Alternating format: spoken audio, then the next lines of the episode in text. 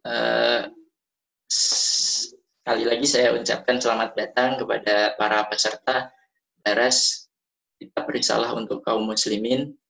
Uh, acara daras ini merupakan gabungan dari kajian salam aja dari ITJ Malang dan uh, kajian pelepah kurma. Uh, pada kesempatan kali ini kita akan melanjutkan daras kita uh, pada kitab risalah untuk kaum muslimin pada perenggan 24 uh, dengan tema paham paham uh, kebudayaan dan kedudukan agama. Uh, tanpa membuang-buang waktu lagi, uh, waktu selanjutnya saya berikan kepada Ustadz Khalili untuk uh, menyampaikan materi. Silakan Ustaz. Terima kasih.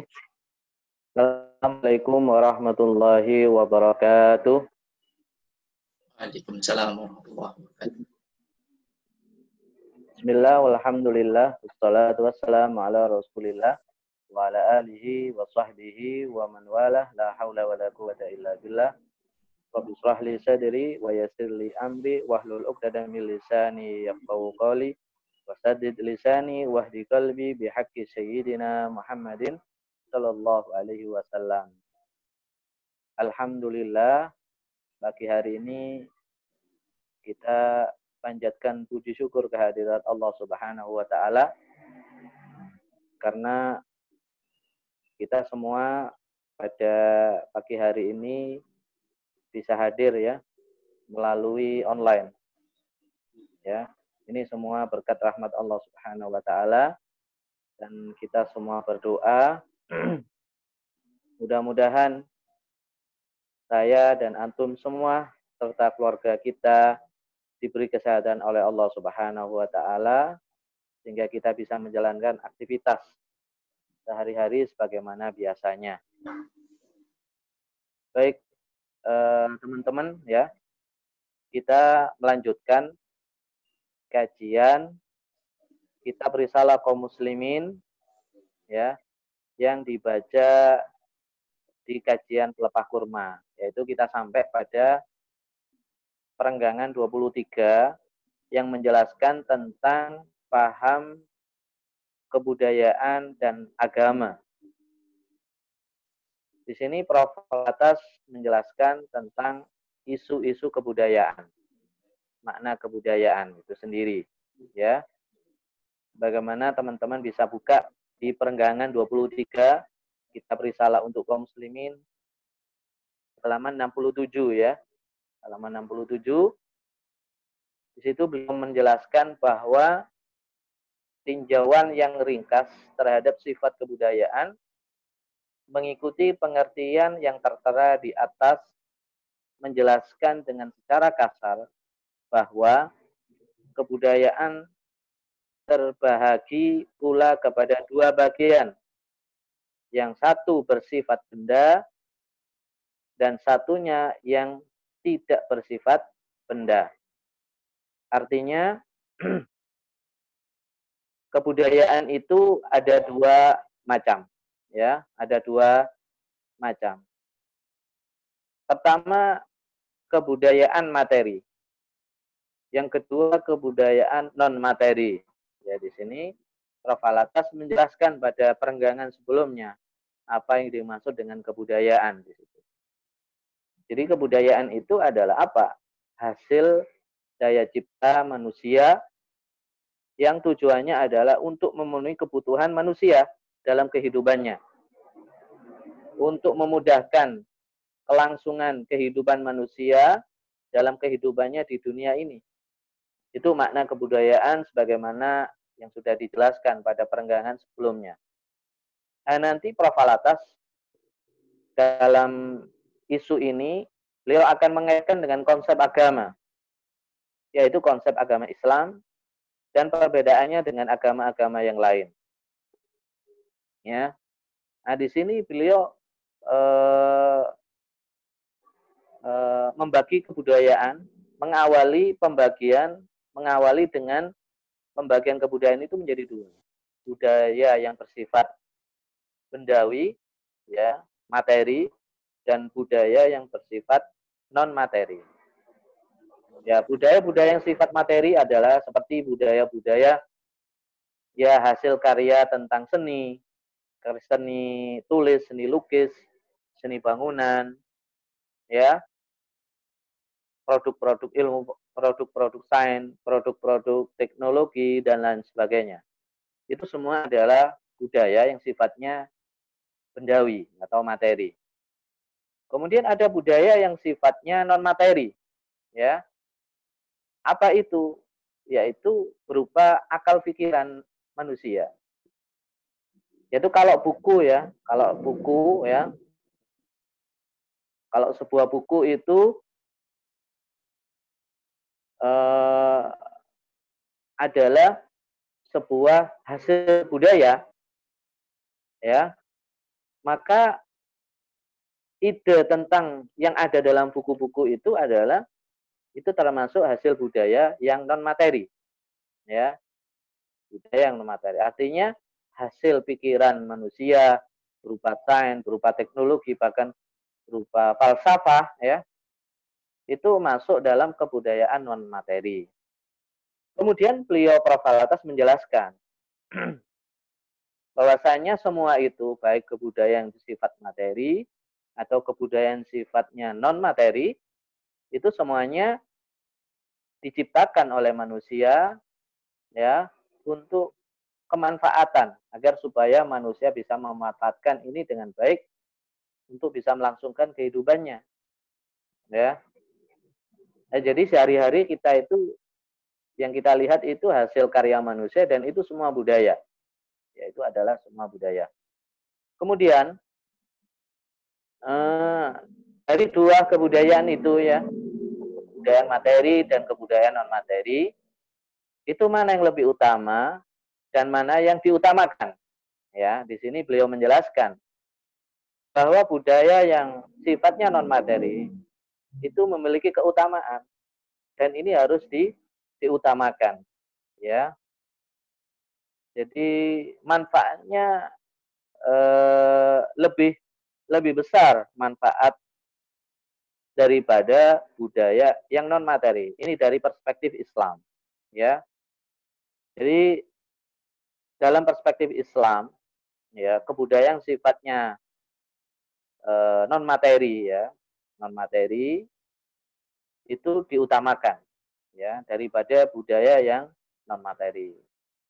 Dan ini menjadi penekanan, penekanan dalam eh, pandangan Islam ya. Sebab apa? Sebab budaya yang sifatnya non materi ya yang ini itu kebudayaan yang punya pengaruh besar daripada kebudayaan yang sifatnya materi. Contoh misalnya ya eh, ketika Indonesia ketika agama Islam ini datang ke kepulauan kepulauan Melayu Nusantara ya ke Indonesia ke daerah-daerah di Asia Tenggara yang dibawa oleh para mubaleh dari Timur Tengah oleh eh, maaf dari eh,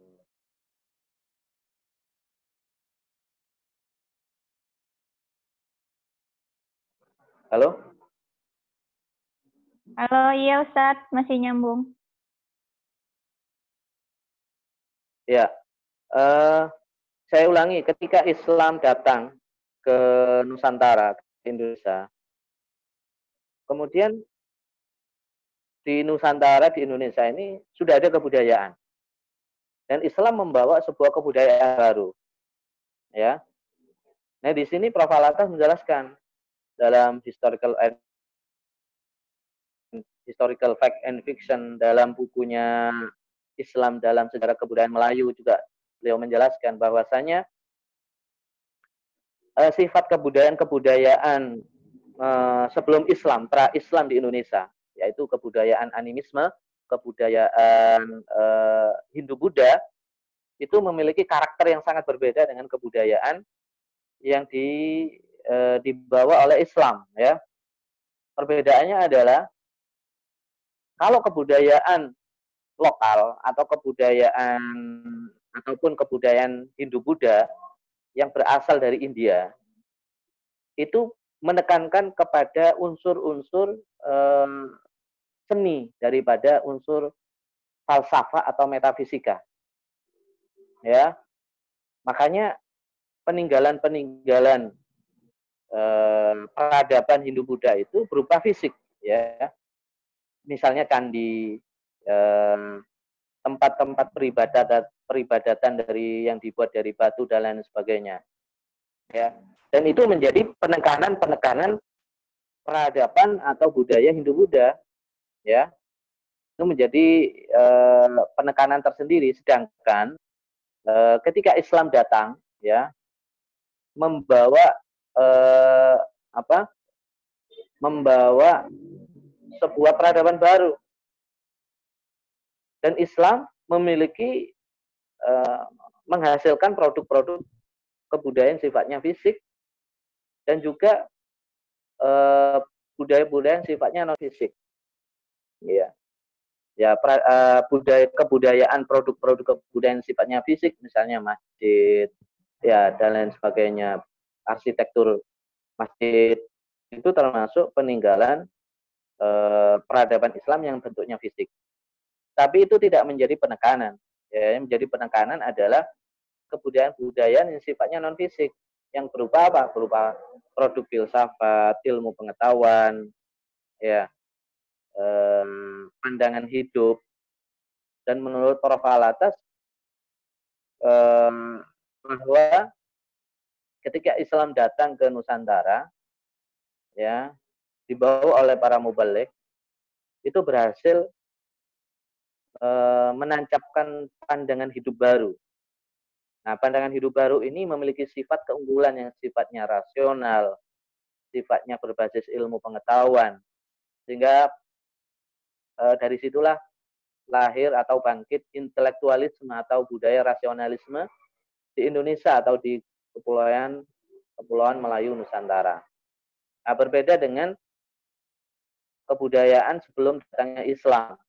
Mereka cenderung kepada kebudayaan-kebudayaan yang sifatnya uh, sifatnya uh, bendawi ya. Seperti candi. Mereka lebih menekankan pada aspek-aspek fisik dan itu menjadi kebanggaan. Nah, dalam Islam fisik itu tidak menjadi kebanggaan ya justru produk-produk falsafah ilmu pengetahuan itulah yang uh, menjadi kebanggaan bagi kita. Nah makanya di sini juga dijelaskan apa sih ya apa kriteria atau ukuran sebuah kebudayaan itu disebut maju dan tidak maju? Di sini dijelaskan oleh beliau. Ya, di halaman 67 eh, akhir ya sampai 68 awal tentang konsep kemajuan. Nah, apa yang dimaksud kemajuan itu? sebuah bangsa disebut maju apabila bangsa itu e, berkembang kesempurnaan diri manusianya. Artinya e, ukuran kemajuan itu adalah dari akhlak, adab, ya, kemudian jiwa, kebahagiaan. Nah ini semua e, sifatnya tidak tidak pendawi, ya berbeda dengan ukuran-ukuran sekarang ya. Kalau uh, kita mengikuti ukuran-ukuran yang dibuat oleh para peneliti modern zaman sekarang ya, uh, bahwa negara-negara di Eropa itu negara maju karena apa? Satu karena penghasilannya uh, tinggi, kemudian kotanya bersih, bangunannya indah, ya kemudian teknologinya canggih, dan lain sebagainya. Tapi tidak memperdulikan bagaimana kualitas manusianya. Ya, apakah manusia ini manusia yang sudah beradab, memiliki nilai-nilai akhlak atau tidak? Ya, ya di situ. Nah ini tidak menjadi ukuran dalam pandangan Islam. Secara worldview Islam, kalau kita mengikuti pandangan hidup Islam, ya sebuah negara bagaimanapun canggihnya sebuah bangunan, teknologinya, kebersihannya, akan tetapi jika manusianya ini manusia-manusia yang yang jahat, tidak beradab, tidak berakhlak, ya, maka tidak bisa disebut negara maju. Tidak bisa disebut sebuah bangsa yang yang maju, ya. Jadi tidak bisa disebut kebudayaan yang maju, ya. Jadi di situ. Ini pandangan hidup hidup Islam, ya. Ya. Jadi banyak negara-negara barat itu secara bendawi, secara fisik bagus ya. Mereka menghasilkan produk-produk ilmu apa produk-produk teknologi yang luar biasa ya. Tetapi bagaimana dengan kualitas jiwanya? Ya. Mereka tidak percaya pada Tuhan, menentang Tuhan, kemudian mereka membuka aurat, ya, pergaulan bebas, kemudian eh, lelaki sama lelaki, perempuan sama perempuan, kawin. Itu kan sebetulnya bukan peradaban atau sifat fitrah manusia, ya.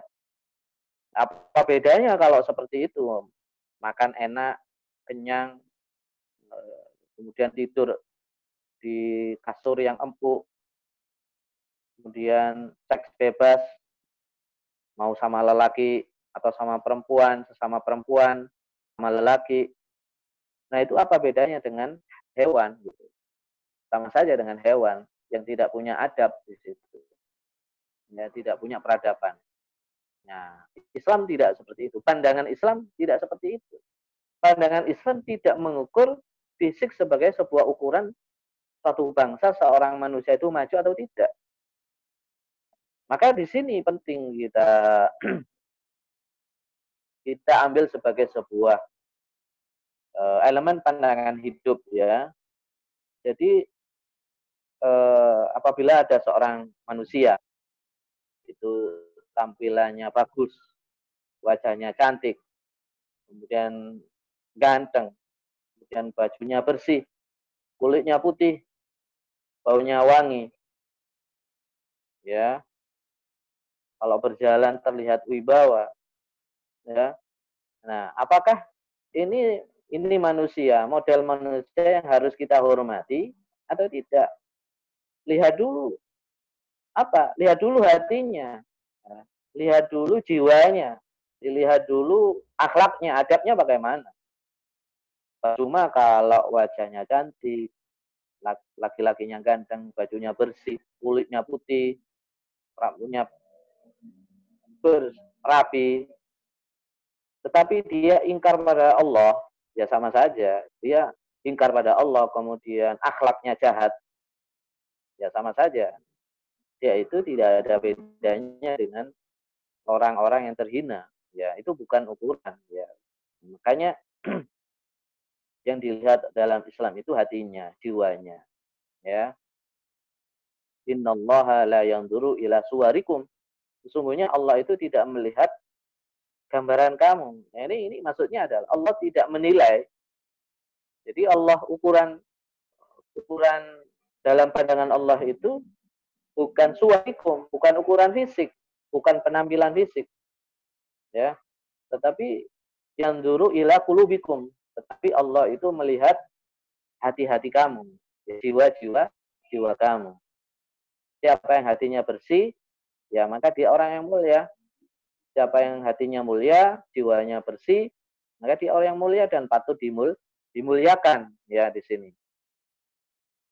Kemudian Prof. Alatas melanjutkan di halaman 67 itu kemajuan dalam lapangan ilmu tersebut tiada pula akan mengandung art dan guna bagi manusia, bagi insan, jikalau tidak menutui tujuan-tujuan tertentu yang menghasilkan kebenaran dan kebaikan dan kebahagiaan dan tujuan-tujuan tertentu itu direncanakan oleh kebahagiaan kebudayaan yang tiada bersifat benda berpandukan paham akhlak dan budi pekerti. Nah ini kalimat ini penting ya. Kita garis bawahi kalimat ini. Jadi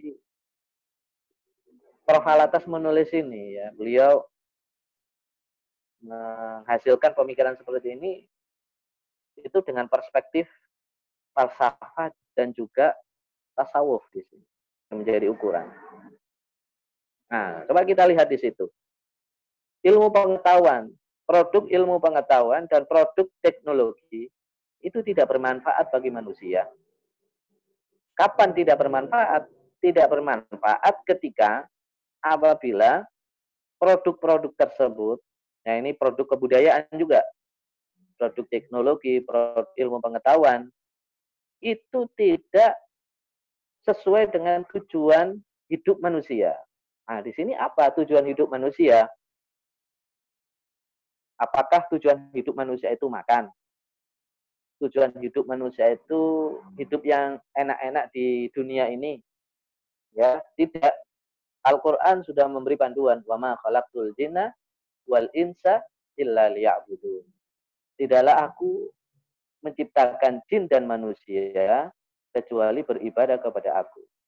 Jadi kita semua manusia itu diciptakan ya supaya apa? Untuk tujuannya ibadah kepada Allah Subhanahu wa taala.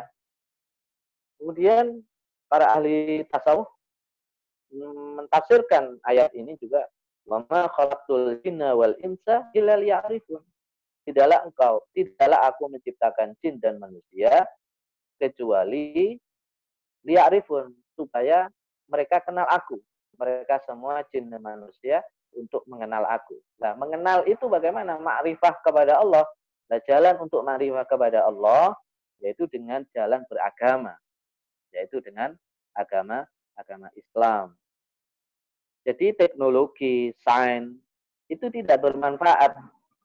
Tidak disebut bermanfaat apabila itu tidak sesuai dengan tujuan hidup manusia. Nah, ini penting. Artinya apa? Dalam pandangan Islam, dalam uh, worldview Islam, sains dan teknologi itu dibuat, diciptakan untuk makrifat kepada Allah. Ya. Tujuannya itu. Ya di samping untuk kebutuhan memenuhi kebutuhan manusia, ya. Kebutuhan hidup manusia di dunia. Nah, teknologi itu kan untuk memudahkan uh, kita menjalani hidup, ya. Ya. Ada teknologi transportasi supaya kita apa um, mudah untuk bepergian ya itu produk-produk teknologi untuk memenuhi kebutuhan manusia di dunia. Ah, jangan lupa kata Prof. Alatas, dalam pandangan hidup Islam, kalau sesuai dengan pandangan hidup Islam, ya produk ilmu sains dan teknologi itu jangan lupa untuk berpandukan kepada ibadah kepada Allah, makrifah kepada kepada Allah. Nah ini sebetulnya Prof. Alatas memakai perspektif tasawuf. Ya, kalau kita baca kitabnya Imam Al Ghazali ya, dalam kitab kitab Ihya Ulumuddin ya, ilmu itu dibagi dua. Ada ilmu muamalah, ada ilmu mukasyafah. Ya, ilmu paling tinggi adalah ilmu mukasyafah. Ya. Wa anna aqsal ulum al mukasyafah. Sesungguhnya puncaknya ilmu adalah mukasyafah. Mukasyafah bagaimana di situ? Yaitu makrifah kepada Allah Subhanahu wa taala, kenal kepada Allah Subhanahu wa taala. Lah untuk sampai ke sana hamba Allah itu harus melalui ilmu muamalah dulu. Nah, ilmu muamalah ini sifatnya ilmu-ilmu yang fisik, ya, ilmu-ilmu yang zahir, ilmu zahir. Ilmu fikih, ya, ilmu memperbaiki akhlak, Ya, itu termasuk uh, ilmu muamalah. Nah, ini semua termasuk ilmu pengetahuan uh, dan sains teknologi ini masuk uh, kategori ilmu muamalah, ilmu-ilmu yang fardu kifayah ya. Itu masuk ilmu muamalah. Artinya ilmu ini dipelajari manusia supaya manusia itu naik pada level berikutnya yaitu ilmu mukasyafah. Ilmu musyasyafah ini ketersingkapan ya. Ketersingkapan hijab antara hamba dengan Allah sehingga kalau hijab itu terbuka maka hamba Allah itu bisa makrifah. bisa merasakan kehadiran Allah Subhanahu wa taala yang disebut muraqabah. Ya, musyahadah. Ya, seperti menyaksikan seperti seorang manusia itu menyaksikan kehadiran Allah Subhanahu wa taala sebagaimana kita menyaksikan benda-benda di sekitar kita.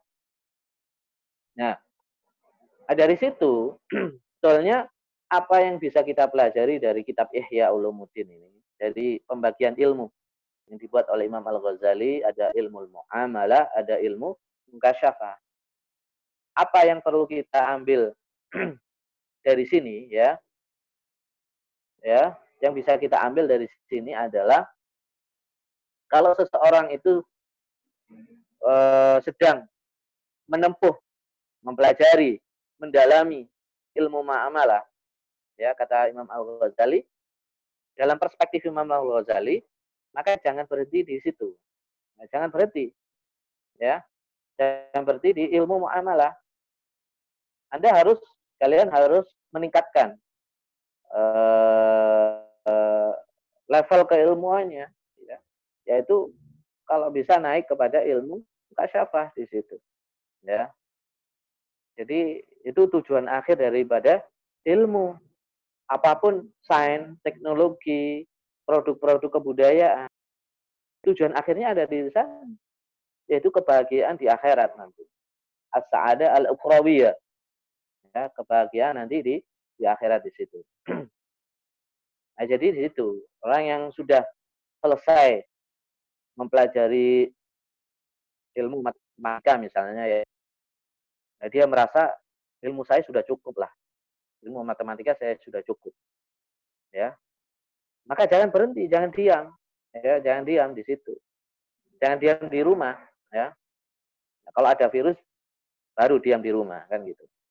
Kalau sudah selesai ilmu matematikanya misalnya, saya sudah menguasai ilmu matematika, sudah cukup. Artinya kebutuhan untuk dunia itu sudah cukup ilmu saya, ilmu matematika. Maka jangan berhenti di situ. Kita harus naik apa setelah matematika ini yang harus saya pelajari di situ?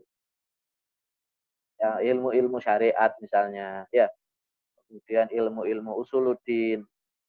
Nah, ilmu-ilmu uh, ilmu tasawuf, ya, terutama itu supaya level kita itu naik. Jadi derajat kemuliaan seorang hamba Allah itu juga ditentukan oleh uh, jenis ilmu yang dia kuasai dan diamalkan tentunya, yang dikuasai dan diamalkan. Kalau seseorang itu menguasai ya ilmu-ilmu yang level tinggi dan itu diamalkan, maka dia naik level derajat di sisi Allah Subhanahu wa taala. Syaratnya diamalkan. Kalau nggak diamalkan ya sama saja. Kata Imam Al-Ghazali, ilmu kalau diamalkan ya sama saja itu orang yang bodoh. Ya, itu sama saja dengan orang bodoh ya itu udah ada manfaatnya nah jadi sih situ kemudian Prof. Alatas juga melanjutkan bahwa nah, di sini kebahagiaan kebudayaan yang tiada bersifat benda ya, kebudayaan yang non bendawi ya ya berpandukan paham akhlak dan budi pekerti yang semuanya berpuncak kepada ajaran-ajaran agama di situ. Nah, jadi maksudnya adalah jangan lupa kalau kita menciptakan satu produk kebudayaan, satu peradaban, satu ilmu pengetahuan. Jangan lupa untuk mendasarkan ilmu itu, teknologi itu dengan akhlak, dengan adab. Jadi artinya apa? Artinya jangan sampai ilmu dan teknologi ini manusia justru rusak akhlaknya. Nah, eh, kita orang saintis muslim itu mestinya membangun sainsnya di atas tauhid dan di atas akhlak dan adab. Jadi tidak keluar dari jalur ini, ya, tidak keluar dari ini pandangan hidup Islam seperti itu. Jadi orang yang jadi produk teknologi jangan merusak akhlak manusia jangan sampai merusak uh, akhlak perilaku manusia. Dan itu semua bagaimana caranya? Ya harus kembali kepada ajaran agama. Karena akhlak itu sumbernya dari agama, bukan dari kebudayaan. Ya, jadi ada sifatnya tetap. Ya, adat itu tidak berubah. Karena apa? Karena sumbernya dari agama, ya, dari agama. Dan agama kita ini agama Islam, agama yang tetap. Agama yang tanzil dari Allah Subhanahu wa taala tidak berubah. Ya. Dan tidak bisa diubah, tidak boleh diubah. Ya. Allah sudah menjamin itu. Kita sucinya, ya. Jadi agama kita itu agama yang dibawa oleh Nabi Muhammad Shallallahu Alaihi Wasallam agama Islam itu terjamin e, keasliannya itu karena kitab sucinya juga terjamin. Ya. Inna nahnu nazzalna dzikra wa inna lahu lahafidun. Allah menjamin sesungguhnya aku menjaga Al-Qur'an. Ya. Nanti sampai hari kiamat. Kalau kitab sucinya ini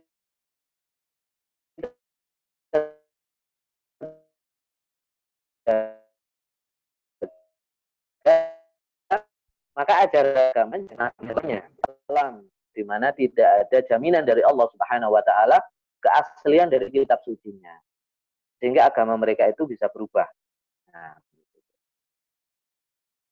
kemudian nah, di sini nah ajaran yang mengasuh dan mendidik manusia supaya berkelakuan baik ya serta menyempurnakan budi pekertinya terletak dalam bidang akhlak. Ya. Akhlak itu adalah hasil agama. Akhlak itu sumbernya dari agama. Ya, kita beradab kepada orang tua. Bagaimana cara menghormati orang tua? Bagaimana cara menghormati guru?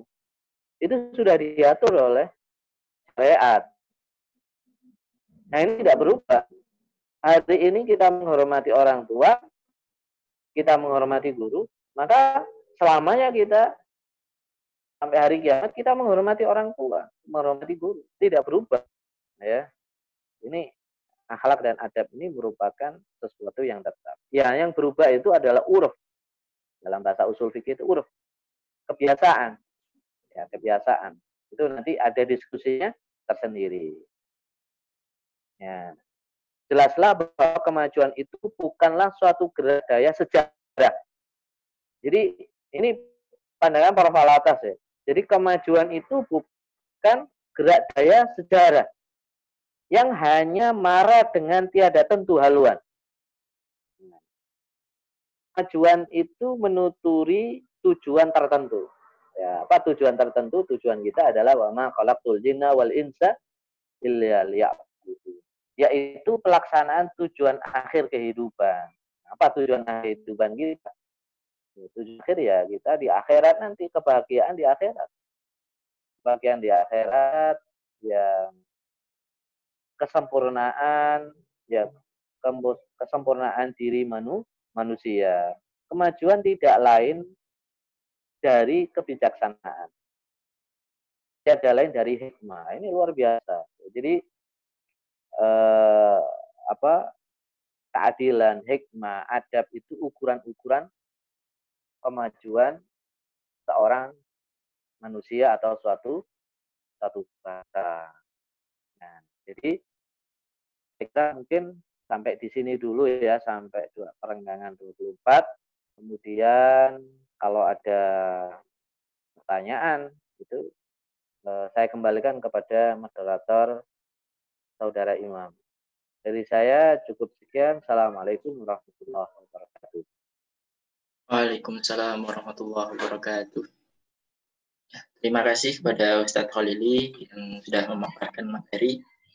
Uh, kepada para peserta, uh, jika ada yang ingin ditanyakan bisa uh, mengangkat tangan ya, menekan tombol raise hand, atau bisa juga uh, menanyakan via chat pada uh, saya, moderator.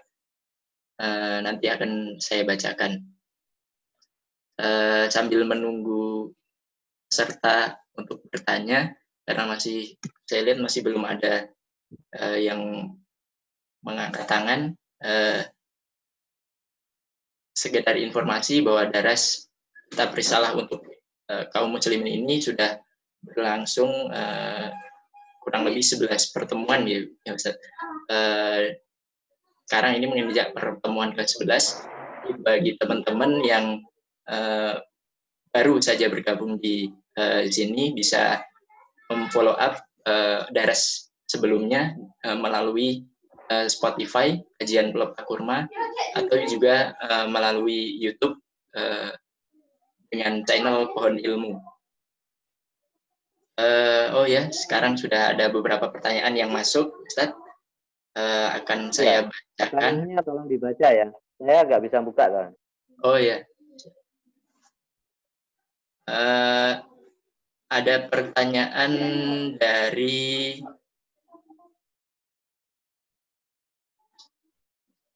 Pertama dari Febri Daus.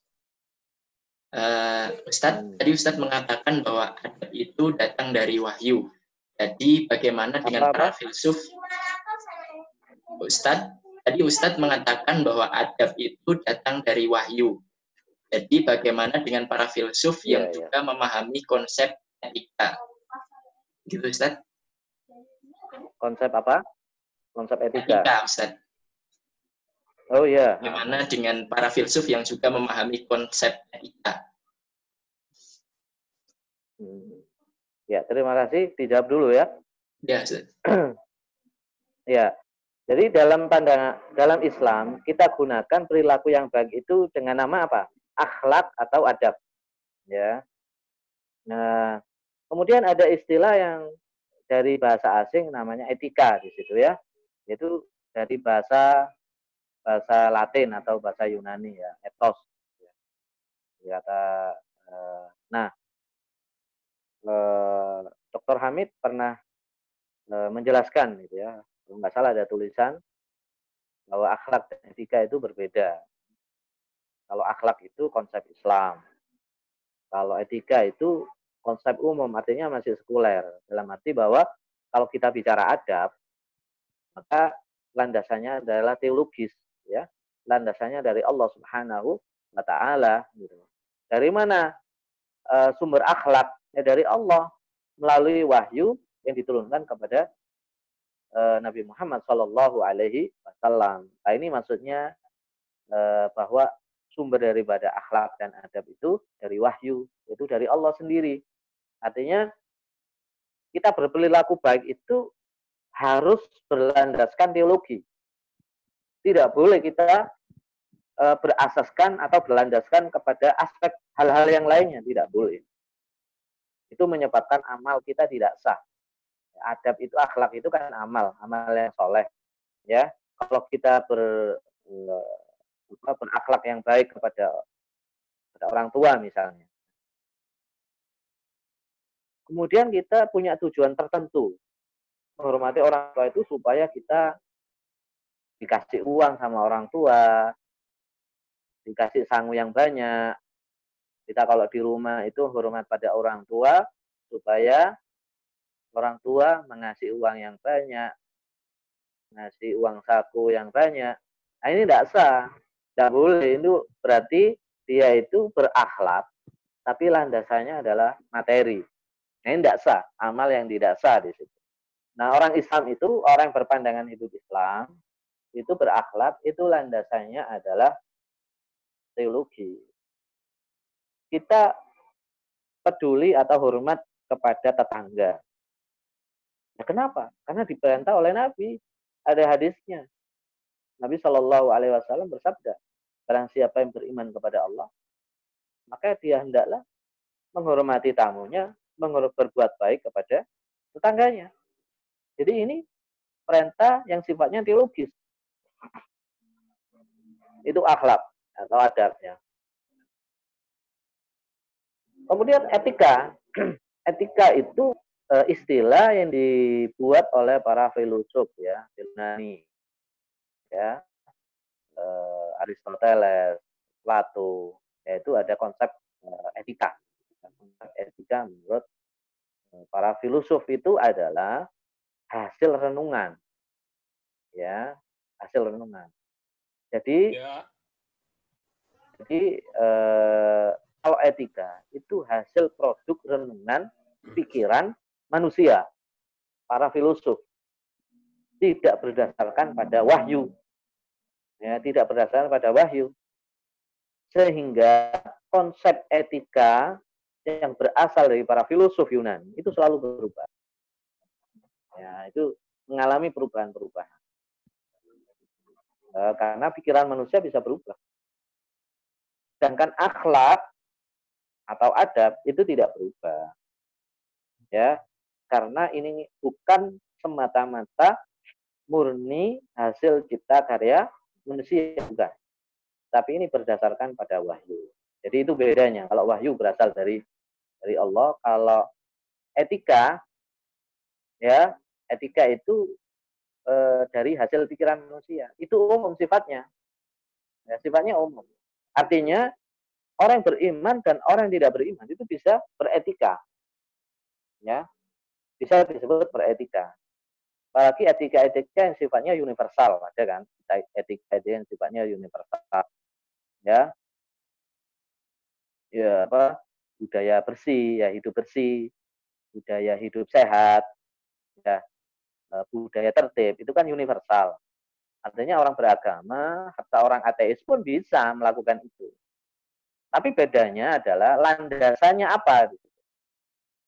Kalau orang ateis, orang sekuler atau orang yang tidak beragama, ya tidak ada landasan apa pun. Landasannya adalah dunia. Nah, kalau orang beragama, landasannya dua. Landasannya teologis dan landasan dunia. Ya, di situ. Nah, itu saya kira itu ya jawaban untuk pertanyaan pertama. Terima kasih. Baik, uh, terima kasih Ustadz. Uh, sekarang juga sudah masuk uh, beberapa pertanyaan lain akan saya bacakan Ustadz. Ya. Pertanyaan dari Yulia Putri. kalau kalau orang sekarang kan kata bijaksana sering disalahpahami dengan menyalahi prinsip sebenarnya bagaimana konsep bijaksana di dalam Islam, Ustaz? Oh ya, bijaksana itu dalam Islam disebut apa? Hikmah ya. Nah hikmah ini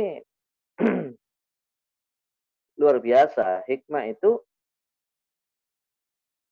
ya dan di sini Imam Ghazali ya kalau kalau um, saya pribadi cenderung kepada penjelasan-penjelasan Imam Al-Ghazali di situ ya. Hikmah itu adalah ilmu, satu ilmu yang sangat tinggi nilainya. Ya, kata Profesor Zaini Usman ya, saya pernah mengikuti kuliah beliau. Prof Zaini Usman mengatakan bahwa ilmu yang paling tinggi itu adalah filsafat itu salah ya. Salah. Nah, malah beliau waktu itu sangat marah kalau disebut filsafat itu ilmu yang paling tinggi. Beliau menjelaskan ilmu yang paling tinggi adalah ilmu hikmah. Nah ternyata betul. Nah, itu kalau kita buka kitab Ihya Ulumuddin ada penjelasan seperti itu ya. Ini hikmah ini tidak diperoleh dari buku-buku, dari membaca buku tidak, ya. Hikmah ini tidak diperoleh ilmu hikmah ini jadi saya ulangi lagi, hikmah itu sebuah ilmu, ya. sebuah ilmu, suatu ilmu. Nah ilmu, ilmu ini, ilmu hikmah ini tidak diperoleh di, di sekolah, tidak, tidak diperoleh di madrasah, tidak diperoleh di kampus, ya. tidak diperoleh di ilmu hikmah ini sejenis ilmu wahbiyah. Ya bahasanya ilmu wahbiyah itu adalah ilmu pemberian ilmu yang diberikan oleh Allah kepada hamba yang dia kehendaki. Setelah hamba Allah itu, ya Allah yang memilih siapa hambanya yang diberi yang diberi hikmah di situ. Tentunya Allah memilih tidak semuanya. Nah, memilih pun itu ada kriterianya. Ya. Jadi kata Prof. hikmah itu ada kaitannya dengan keadilan. Ya, hikmah itu ada kaitannya dengan adab. Ya, artinya adab itu apa? Adab itu adalah pengenalan dan pengakuan. Nah, di sini ada ada dua kata kunci ya. Pengenalan dan pengakuan bahwasanya sesuatu itu memiliki tempatnya sendiri. Artinya apa? Mengakui, mengenal, ya, dan mengakui bahwa sesuatu itu memiliki tempatnya tersendiri. Ya. Artinya apa? Artinya kita tidak cukup mengakui sesuatu, tapi harus mengenali. Tidak cukup mengenali sesuatu, ya, tanpa mengakui, ya. Kita kenal, juga mengakui. Kalau kita kenal tapi tidak mengakui, ya sama saja dengan iblis. Iblis itu dengan begitu. Iblis itu mengenal Allah Subhanahu wa taala. Tapi dia menentang. Ya. Iblis itu tahu bahwa Adam itu utusan Allah. Hamba manusia yang diciptakan oleh Allah ya dan ditunjuk sebagai nabi. Tetapi iblis e, tidak mengakui. Padahal mengetahui, ya. Jadi iblis itu tidak beradab. Ya, sehingga dia tidak bisa menempatkan Nabi Adam sebagaimana e, kedudukan Nabi Adam itu sendiri. Nah, jika sesuatu itu berada pada tempatnya, kalau setelah kita mengakui, kemudian e, mengenali sesuatu itu pada tempatnya, maka kondisi ini disebut keadilan. Jadi keadilan itu adalah ketika sesuatu itu situasi di mana sesuatu berada pada tempatnya sesuai dengan kedudukannya. Nah, itu namanya keadilan. Nah, berbuat adil adalah adalah kita menempatkan sesuatu pada tempatnya. Lawannya adalah kezoliman. Zalim itu tidak menempatkan sesuatu pada tempatnya. Itu zalim. Tidak menghormati sesuatu sesuai dengan kedudukannya. Itu zalim. Nah, keadilan adalah keadilan itu jika kondisi sesuatu itu berada pada tempatnya. Nah, seseorang, seseorang hamba Allah yang beradab, kemudian berperilaku adil, maka Allah akan memberi ilmu hikmah. Hikmah itu yang terjemahnya adalah bijaksana. Berarti orang yang mendapatkan hikmah itu dia mampu menempatkan sesuatu pada tempatnya dalam segala aspek kehidupan. Dalam segala sesuatu, baik sesuatu ini yang terlihat maupun tidak terlihat dia mem memiliki kemampuan itu menempatkan sesuatu pada tempatnya. Ya. Berbicara sesuai dengan kapasitasnya. Nah, itu hikmah juga. Ada orang pintar ya, orang pintar itu bicara itu enaknya saja, ya. Nah, itu tidak hikmah, berlebihan. Akhirnya berlebihan ya. Sesuatu yang berlebihan itu tidak hikmah. Ya, tidak tidak berhikmah. Jadi apa ukuran hikmah? Hikmah itu itu datang dengan sendirinya. Allah yang memberi nanti. Itu seperti sebuah hidayah atau rahmat Allah Subhanahu wa taala yang diberikan oleh Allah kepada hambanya ketika hambanya itu berbuat baik ya, berbuat beradab ya dan melaksanakan keadilan.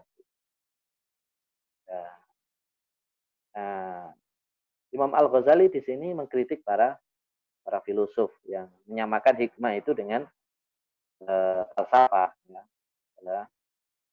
Dalam Al-Quran hikmah itu artinya syariat. Syariat. Sehingga itu ditolak oleh Imam Al-Ghazali, para filosof yang menyamakan bahwa hikmah itu uh, apa filsafat filsafat Islam itu adalah hikmah cinta uh, kebijaksanaan. Wallahu alam. Saya kira itu. Ya. Mudah-mudahan bisa dipahami ya, Julia. Baik, terima kasih Ustadz. Mungkin kita lanjut uh, ke pertanyaan berikutnya, Ustaz. Ada pertanyaan dari uh, Mas Febri Daus mengenai kasyaf, Ustaz. Apa arti dari kasyaf dan terapannya dalam kehidupan itu seperti apa, Ustaz? Oh ya. Nah, terima kasih Mas Febri. Nah, ini pertanyaan berat ya. Kajian berat ini.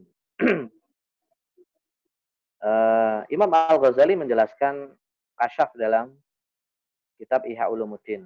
Jilid pertama dijelaskan, di jilid ketiga dijelaskan. Kemudian Parvalatas juga membahasnya itu. Membahas dalam Prologomena to the Metaphysics of Islam. Ya. Ya. Dari sini pembahasan ini kajian yang sangat tinggi ya. Nah, waktunya terbatas. Kapan-kapan kita eh, diskusikan lebih lanjut, lebih panjang lagi khusus tentang ini ya. Dan eh, ini bagian daripada yang sedang saya saya kaji dalam disertasi saya mudah mudah-mudahan uh, segera selesai ya. Uh, jadi kasaf itu ilmu dalam tasawuf ya atau boleh juga disebut epistemologi tasawuf salah satunya atau bahasa bahasa intelektualnya intuisi lah intuisi tapi intuisi itu istilah ada istilah lain hadis jadi bahasa Arabnya intuisi itu hadis. Jadi saya sedang eh, meneliti tentang eh, pengetahuan intuitif ya. Al-ma'rifah eh, al-hadsiyah. Inda al-Imam Al-Ghazali. Itu di antaranya Imam menurut Imam Al-Ghazali, intuisi itu ada tiga. Yang pertama adalah wahyu, diberikan khusus oleh Allah kepada para anbiya wal mursalin. Yang kedua adalah ilham atau kasyaf. Ilham dan kasyaf. Ya. Ilham dan kasyaf ini diberikan oleh Allah kepada hambanya yang ia kehendaki. Ya. Nah, khusus kasyaf itu adalah dari kata kasyafa. Artinya tersingkap, terbuka ya. Terbuka Maksudnya adalah uh, ilmu orang yang mendapatkan ilmu kasfi itu tersingkap hijab ya hijab dia dengan dengan dengan Allah Subhanahu wa taala. Jadi uh, mungkin boleh saya saya saya bacakan ya definisinya.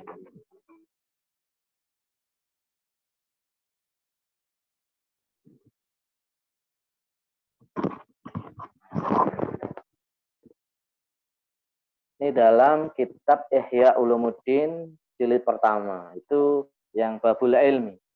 Yang bab ilmu membahas tentang ilmu mukasyafa.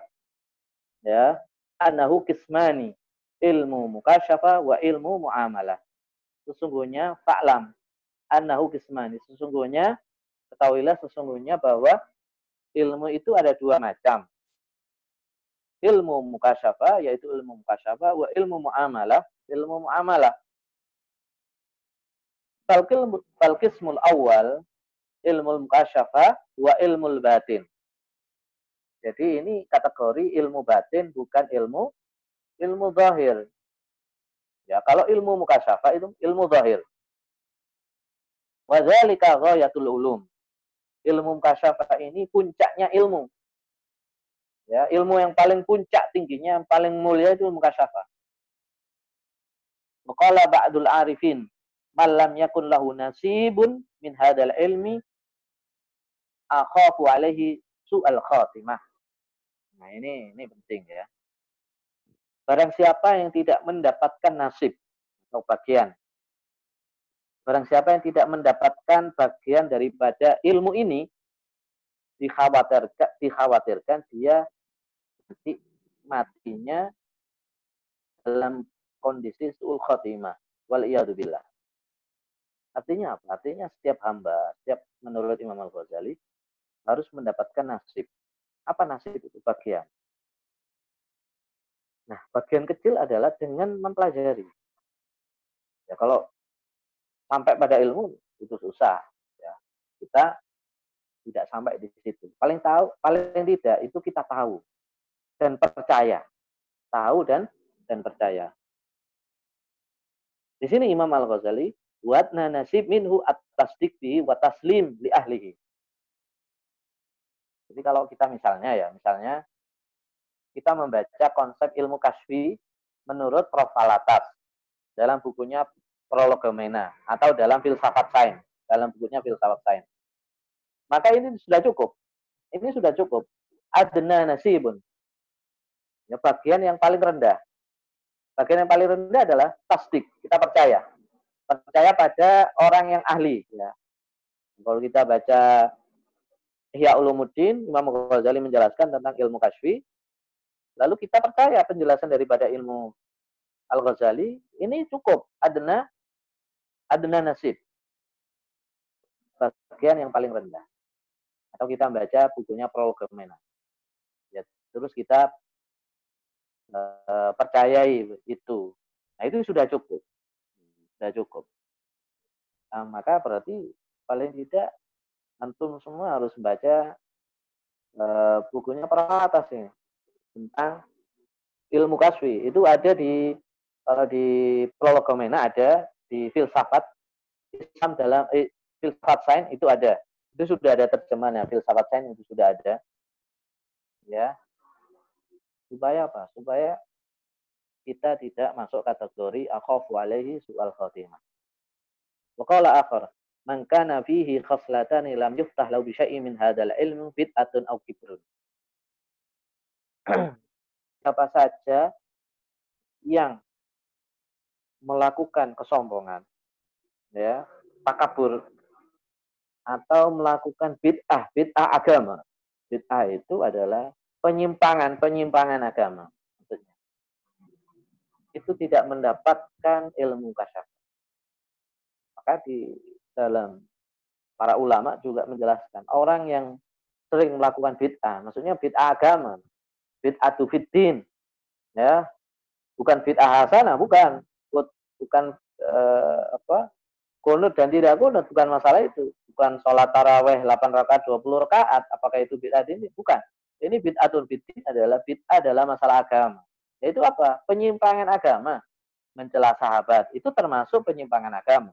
Mencela istri nabi. Ya. Seperti yang dilakukan oleh orang Syiah. Itu itu bid'ah seperti yang dilakukan oleh Mu'tazilah yang nafyu sifat tidak percaya pada sifat-sifat Allah, ya itu itu penyimpangan. Kaum Qadariyah yang tidak percaya pada takdir Allah, ya itu bid'ah. Nah, menurut para ulama, orang yang selalu melakukan bid'ah, dia akan seuluh ketimah. Wal billah. Na'udhu, na'udhu billah. Kemudian, apa itu eh? Mukasyafa itu adalah terbukanya hijab. Apa itu hijab? Ya, tadi e, sepertinya ada yang bertanya tentang hijab ya. Kata Imam Al Ghazali dalam kitabnya yang lain, adalah dalam e, e, Umdat e, Raudatul e, apa? Raudatul Talibin kalau nggak salah, itu dijelaskan ad-dunya minal awaik. Dunia itu adalah termasuk awaik awak itu apa? Halangan-halangan, ya, rintangan-rintangan yang menghalangi kita bertemu dengan Allah, makrifat kepada Allah. Yaitu yang disebut hijab. Ya, dunia hijab. Nah, di sini dijelaskan juga, ini panjang sekali ya. Jadi panjang sekali penjelasannya. Jadi hijab itu adalah di antaranya adalah hubud dunia, cinta dunia. Orang cinta dunia menyebabkan dia tidak kenal dengan Allah. Kemudian eh, apa eh, akhlak-akhlak yang tercela itu juga juga apa merupakan hijab hijab dia dengan dengan Allah. Jadi banyak sekali hijab-hijab itu kalau diperinci jadi hubud dunia itu apa saja, akhlak-akhlak yang tercela itu apa saja, yang menjadi hijab dari Allah. Nah, ilmu kasyafa itu ilmu tersingkat hijabnya. Sehingga dia sampai pada tingkat spiritual di mana ya realitas ini terbuka bagi dia. Sehingga dia melihat dan memahami realitas itu juga bukan dengan mata kepala, tapi dengan hati yang disebut basiro. Ya. Di sini Imam Ghazali dia kenal dengan akhirat, dengan surga, neraka, eh, setan, malaikat, kemudian eh, atau yang berhubungan dengan yang muhibat, perkara-perkara yang gaib, dia bisa merasakan. Sehingga dan paling paling puncaknya adalah merasakan kehadiran Allah. Jadi dia bukan melihat dengan mata kepala. Dia musyahadah itu adalah merasakan kehadiran seperti kita itu melihat. Ya, ya seperti mukasyaf kasfi itu seperti discover. Perfalatas dalam eh, dalam eh, apa prolegomena bab existence and intuition ini penting ya tentang mukasyafah. Nah, tentang intuisi. Jadi kita mendapatkan ilmu mukasyafah itu dengan cara intuisi. Kita kenal dengan Allah itu dengan intuisi, jalan intuisi. Nah, ilmu kasfi itu yang dibuka apa saja? Kata Prof. Alatas, yang dibuka adalah akal, kemudian uh, ilmu, ilmu, ilmu termasuk dibuka ilmu. Dan yang paling tinggi adalah dibukanya kita itu merasakan kehadiran Allah Subhanahu wa taala. Jadi itu secara uh, secara singkatnya ya, ya secara singkatnya seperti itu. Uh, mudah-mudahan bisa dipahami ya penjelasan singkat. Penjelasannya sangat panjang, diskusinya cukup panjang. Ya, kapan-kapan akan kalau ada pembahasan nanti di bab lain di Rasalah Konsumen bisa kita diskusikan lebih jauh, terutama saya akan baca bacakan ya bab tentang eh, existence and intuition itu. Bab yang menjelaskan tentang mukasyafa kata Imam uh, kata Syekh Naqib Alat mukasyafa itu ilmiah bisa diilmiahkan. Ya diilmiahkan ini saya uh, sedang tidak bawa yang tidak di sini ya saya kira itu Mas Imam ya terima kasih ya terima kasih banyak Ustaz uh, jawaban yang uh, singkat tapi cukup panjang juga ya Ustaz. Lanjut hmm. Ustaz ke pertanyaan berikutnya. Uh, ada dua pertanyaan terakhir ini Ustaz. Saya gabung jadi satu uh, karena waktu sudah menunjukkan pukul 11. Kita target uh, mungkin 11 per 4 bisa selesai. Uh, pertanyaan dari Mas Khosiin. Uh, ini Ustaz.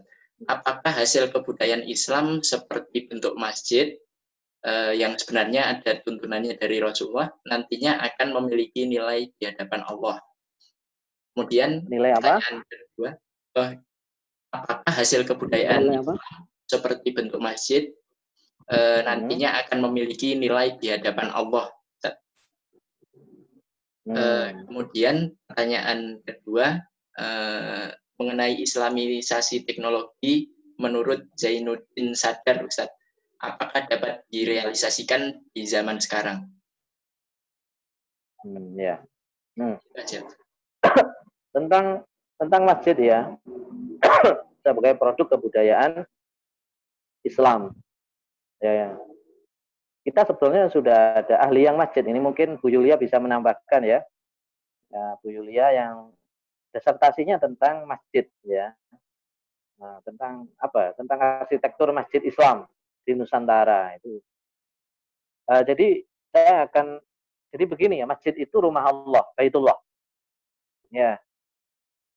Dan ini uh, sebagai rumah Allah, Baitullah, maka membangun masjid, menciptakan, mengkreasi masjid, itu harus sesuai dengan syariat. Ya, sesuai dengan syariat. Maka di kitab-kitab fikih dibahas tentang apa? Tentang fikih masjid, fikih masjid di situ. Ya, fikih masjid. Jadi membangun masjid itu harus sesuai dengan aturan.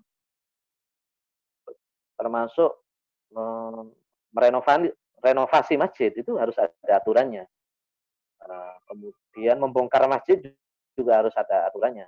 Yang di mana kadang-kadang banyak di antara kita itu yang abai terhadap aspek hukum di sini ya. Padahal itu rumah Allah, maka harus diatur dengan aturan Allah. Kadang-kadang kita akan begitu, ini rumah Allah, tapi bangunnya tidak dengan cara aturan Allah. Nah, salah itu, salah. Jadi kalau e, masjid itu ada fikihnya, ada fikihnya yang mengatur semuanya, ya, mengatur semuanya. Ya banyak sekali, panjang sekali penjelasannya yang saya pernah ada tulisan tentang itu, tentang masjid ya. Nah, tentu saja sebagai Baitullah ini ini ada nilainya ya. Bukan berarti masjid itu produk fisik, kebudayaan fisik tidak ada nilainya sama sekali tidak. Tidak seperti itu. Ya, jadi tetap ada nilainya. Tetap ada nilainya. Jadi bahkan ini Baitullah harus dimuliakan ya. Harus diagungkan rumah Allah ini. Harus di disiarkan, ya dimakmurkan rumah Allah ini. Nah, untuk mensiarkan, memakmurkan itu juga kembali kepada hukum Allah melalui kitab-kitab fikih, melalui hukum-hukum fikih. Itu jadi di situ. Ya, di situ. Tetap ada nilainya. Ya, cuma yang kalau kita eh, kita apa?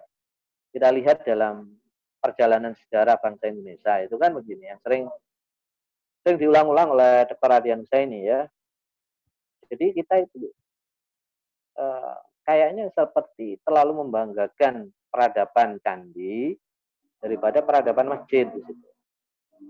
Ya. Uh, apa?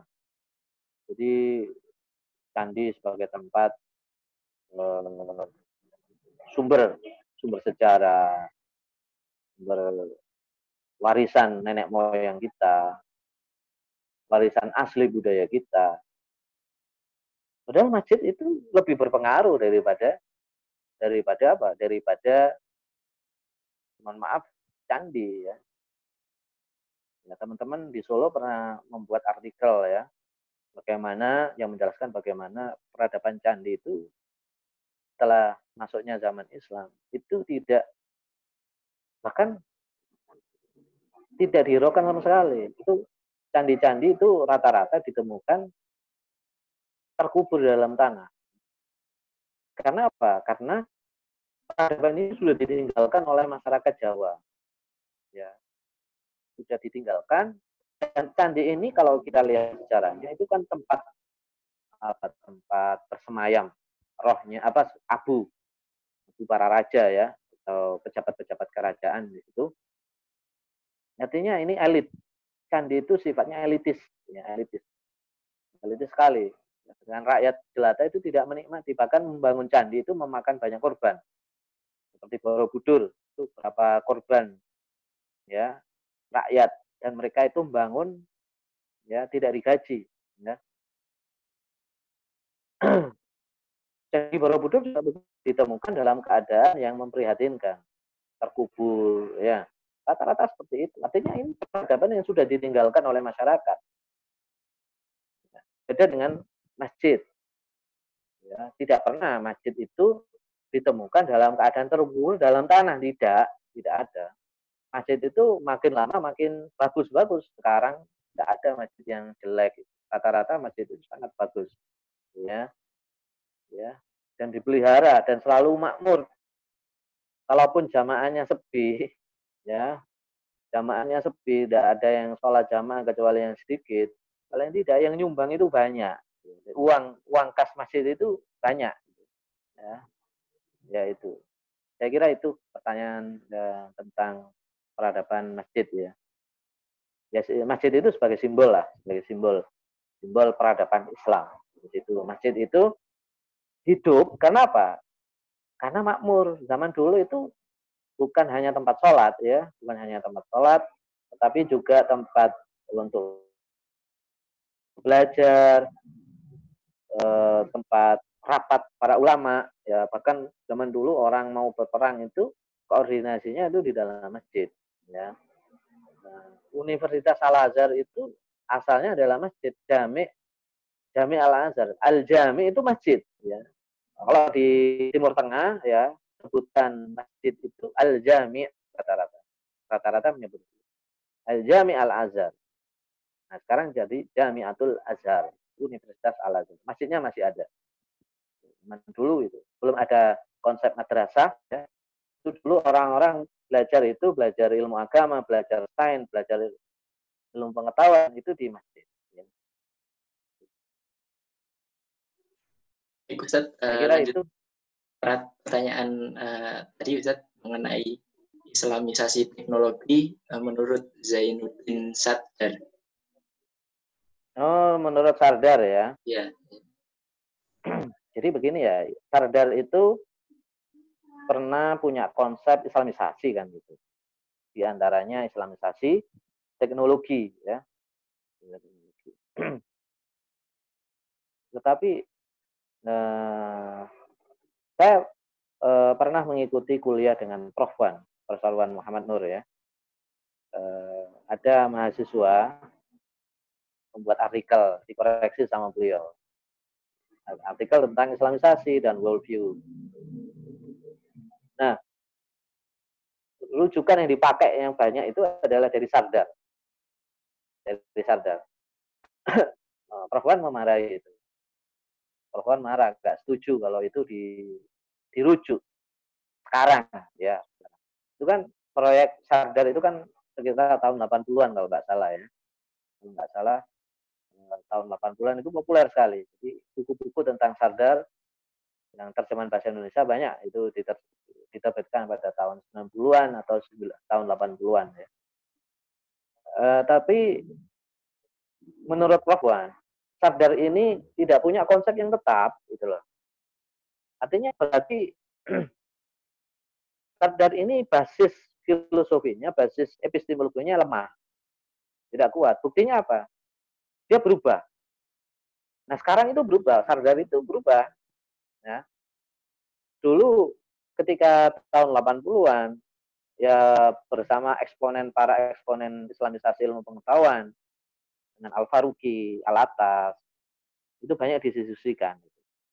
Nah, tetapi Sardar sekarang itu berubah, ya. tidak sama dengan apa yang ditulis pada tahun 80-an ya, tentang Islamisasi, ya. Tidak sama. Nah, kalau seperti itu tidak bisa dirujuk, artinya eh, apa ya bisalah dirujuk tapi itu tidak menjadi tidak bisa menjadi otoritas. Artinya kalau dia berubah maka otoritasnya jatuh kan? Ya. artinya apa? Artinya itu sudah dinasah oleh oleh dia sendiri. Kalau dia berubah dengan sendirinya itu pemikiran lama dinasah. Dinasah itu diganti atau dicabut. Ya. Perkara itu tidak ada pernyataan dia menasah ya. Eh, konsep yang ide-idenya yang lama atau enggak. Dan itu juga tidak terlalu orisinil sebetulnya. Jadi kalau uh, islamisasi ya saya kira cukup dah dengan atas ya. Lebih dari cukup kan kalau kita profil pakai profil atas saja itu itu sampai bahasanya itu uh, kita masih sangat kurang gitu banyak kekurangan kita banyak hal aspek-aspek yang banyak belum di, dikaji dari pemikiran para falatas gitu. ya nah, jadi banyak sekali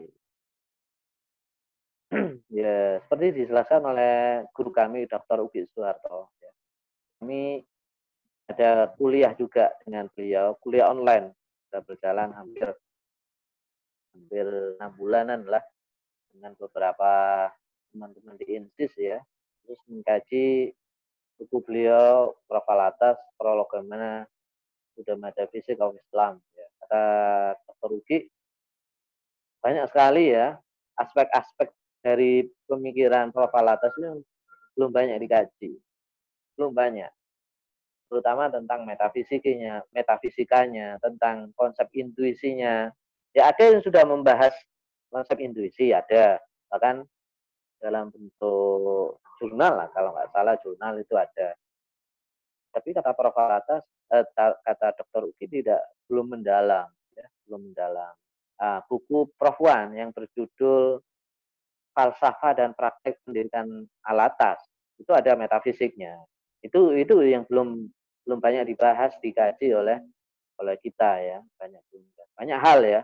Kalau kita mempelajari pelan-pelan pemikiran Prof. Alatas, itu akan bisa memberi solusi untuk eh, persoalan-persoalan yang kontemporer sekarang. Ya, ini ini karena pemikirannya luar biasa. Nah, pemikiran sangat luas ya, sangat sangat luas sekali. Bisa diterapkan dalam beberapa aspek ya. Dalam sains, dalam teknologi bisa. Kalau kita memahami dasar-dasarnya, epistemologinya, filsafat ilmunya, dan metafisikanya, saya kira sudah cukup. Ya. Saya kira sudah cukup. Adapun yang lainnya itu bisa bisa menjadi secondary apa source ya sebagai sumber-sumber second sumber yang sekunder sumber sekunder itu ya pendukung lah karena gagasan alatas ini orisinil ya termasuk bisa juga dalam teknologi bisa juga dalam arsitektur bisa itu itu ada eh, dari penulis dari dari mana Iran atau dari Bosnia ya menjelaskan tentang arsitektur Islam dengan perspektif alatas. Mungkin Bu Yulia sudah pernah membaca artikel itu. Saya kira itu. Terima kasih. Mudah-mudahan bermanfaat. Ya, baik, terima kasih Ustaz. Uh, demikian uh, semua pertanyaan sudah dijawab, walaupun masih ada uh, banyak pertanyaan sebenarnya Ustaz. Uh, nanti bisa uh, dilanjut di lain kesempatan mungkin Ustaz.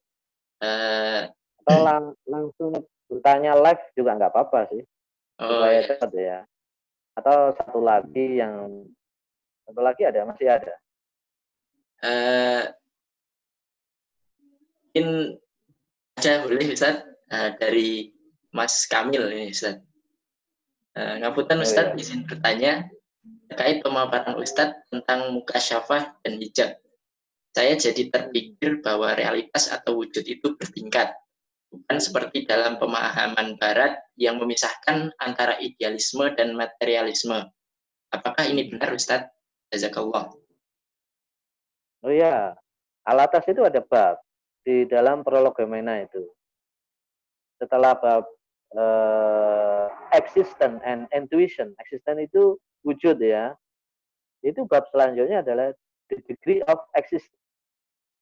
Marotibul wujud. Ya, jadi secara ontologi wujud itu eh, itu bertingkat-tingkat. Bertingkat-tingkat. Imam Al-Ghazali juga menjelaskan dalam kalau nggak salah dalam Faslut Tafriqah dalam kitabnya Faslut Tafriqah yang menjelaskan tentang orang-orang zindik. Itu juga membagi eh, wujud itu menjadi enam tingkat Imam Al-Ghazali. Maratibul wujud dari Imam Ghazali ada enam ya, ada enam. Jadi yang dikatakan wujud itu itu sampai 6. Nah, dalam filsafat barat ya itu menjadi perdebatan masalah ontologi ini ya. Dalam masalah ontologi menjadi perdebatan. Jadi eh, Prof. Alatas itu menjelaskan tentang konsep existence ya, menjelaskan tentang degree of existence juga. Tingkatan wujud. Itu dalam rangka untuk merespon filsafat barat sebenarnya. Atau pemikiran-pemikiran kontemporer atau pemikiran modern zaman zaman sekarang ya, ya jadi eh, yang dikatakan wujud itu bertingkat-tingkat ya ya persoalan dari salah satu persoalan dari filsafat barat itu persoalan wujud apa yang disebut wujud ya kan itu menjadi diskusi Nah, sebetulnya para mutakalim kita itu sudah selesai, sudah selesai membahas tentang al-wujud apa yang disebut wujud? Ya, apakah kita itu wujud atau tidak? Apakah Tuhan itu wujud atau tidak? Ya, baru-baru ini nah, viral ya di di media sosial, nggak salah itu status status Facebook Twitter ya bahwa um, merebaknya virus corona ini ya itu menjadi bukti bahwa absennya Tuhan atau tidak adanya Tuhan. Nah, ini ini cara berpikir yang ya yang kekanak-kanaan lah istilahnya kekanak-kanaan. Apa bahasanya? Cara berpikir yang rendah sekali itu. Dia tidak memahami apa yang disebut ada dan tidak ada di situ. Ada itu, ada itu, ada tingkatannya. Nah, keberadaan manusia kita semua itu di tingkat mana? Itu dibahas oleh Imam Al-Ghazali. Dibahas oleh Prof. Alatas. The degree of existence. Nah, wujud yang paling tinggi adalah wujud Allah Subhanahu wa taala Nah, kalau kita eh, tingkat pertama saja kita tidak memahami wujud, apalagi yang tingkat akhir itu, ya kita tidak bisa memahami itu. Nah, yang baru-baru ini komentar tentang tidak adanya Tuhan dengan merebaknya virus corona ini, kemudian itu menjadi bukti bahwa Tuhan tidak ada, nah, itu eh, apa cara berpikir yang kekanak-kanakan ya. Jadi seperti cara berpikirnya anak TK lah. Ya, Nah, kalau kita menjelaskan kepada anak TK itu soal matematika di untuk tingkat SMA ya juga juga tak paham itu. Jadi jadi karena cara berpikirnya itu masih anak-anak ya, masih kekanak-kanakan, masih TK, maka susah juga untuk menjelaskan. Kalau kita bantah dengan hujah, ya kita mereka dia juga kesulitan untuk memahami, pasti menolak gitu.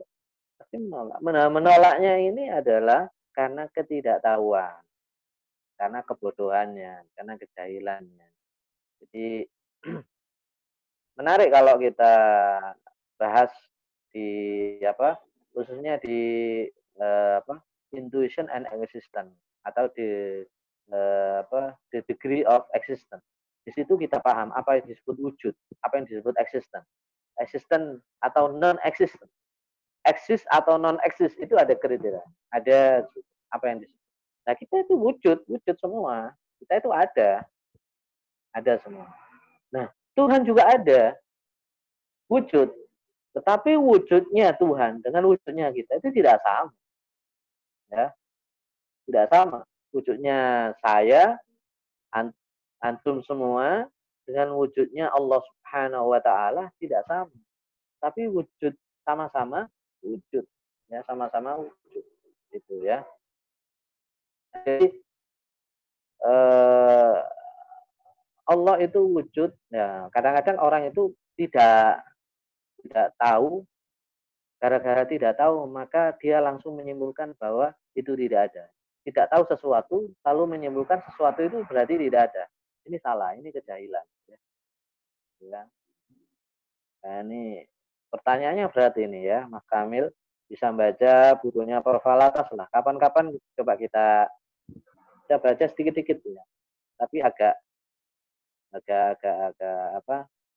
Agak susah ya, agak susah. Saya juga belajar dengan dokter Ugi itu juga pelan-pelan mengulangi ya. Belum sebelum kuliah dengan beliau itu baca lagi, baca lagi, baca lagi.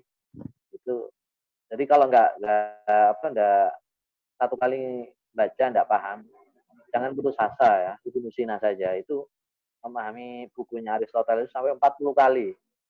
Nah, kita hanya satu kali nggak paham itu, kemudian terus kita putus asa jangan ya. Kita tanya pada guru, kita tanya. Jadi, Malhasil jadi banyak pertanyaan-pertanyaan di sini, pertanyaan yang cukup berat ya. Pertanyaan-pertanyaan yang perlu dijelaskan lebih lanjut dalam kajian-kajian yang lain ya. Eh, dalam diskusi khusus, waktu khusus ya. Tidak bisa dalam waktu yang sempit ini. Dan saya kira ini pertanyaan terakhir dari ya Mas Imam. Ya. ya ini betul, pertanyaan terakhir ya. ya. Ya. Terima kasih atas kehadiran antum semua. Di sini sudah menjelang duhur ya. Mudah-mudahan eh, kajian yang dengan segala keterbatasan ini meskipun via online mudah-mudahan ada berkahnya ya mudah-mudahan seperti seperti hadir ya ya memang kita terpisah satu sama lain kita di di Pasuruan ada yang di Jakarta Kalimantan Malang Surabaya ada yang dari Lombok juga ya nah, tetapi tempat kita itu terpisah-pisah, tapi insya Allah pikiran kita itu sama, hadir bersamaan. Hati kita sama insya Allah. Kita bisa bertemu di sini ya, di sini. Semua ada hikmahnya, setiap musibah pasti ada hikmahnya. Mudah-mudahan bermanfaat, kita semua diberi kesehatan oleh Allah Subhanahu wa taala. Assalamualaikum warahmatullahi wabarakatuh. Waalaikumsalam warahmatullahi wabarakatuh. Uh, terima kasih kepada Ustadz Khalili sudah memaparkan materi. Uh, untuk teman-teman sekalian, uh, demikian uh, daras risalah untuk kaum muslimin uh, edisi 11. Uh, bagi teman-teman yang ingin mengulang kembali murojaah uh, kajian pada hari ini bisa nanti uh, mengikuti channel Spotify kajian Pelepah Kurma atau melalui channel YouTube Pohon Ilmu. Uh, demikian uh, yang dapat saya sampaikan. Uh, terima kasih. Assalamualaikum warahmatullahi wabarakatuh. Waalaikumsalam. Oh, iya.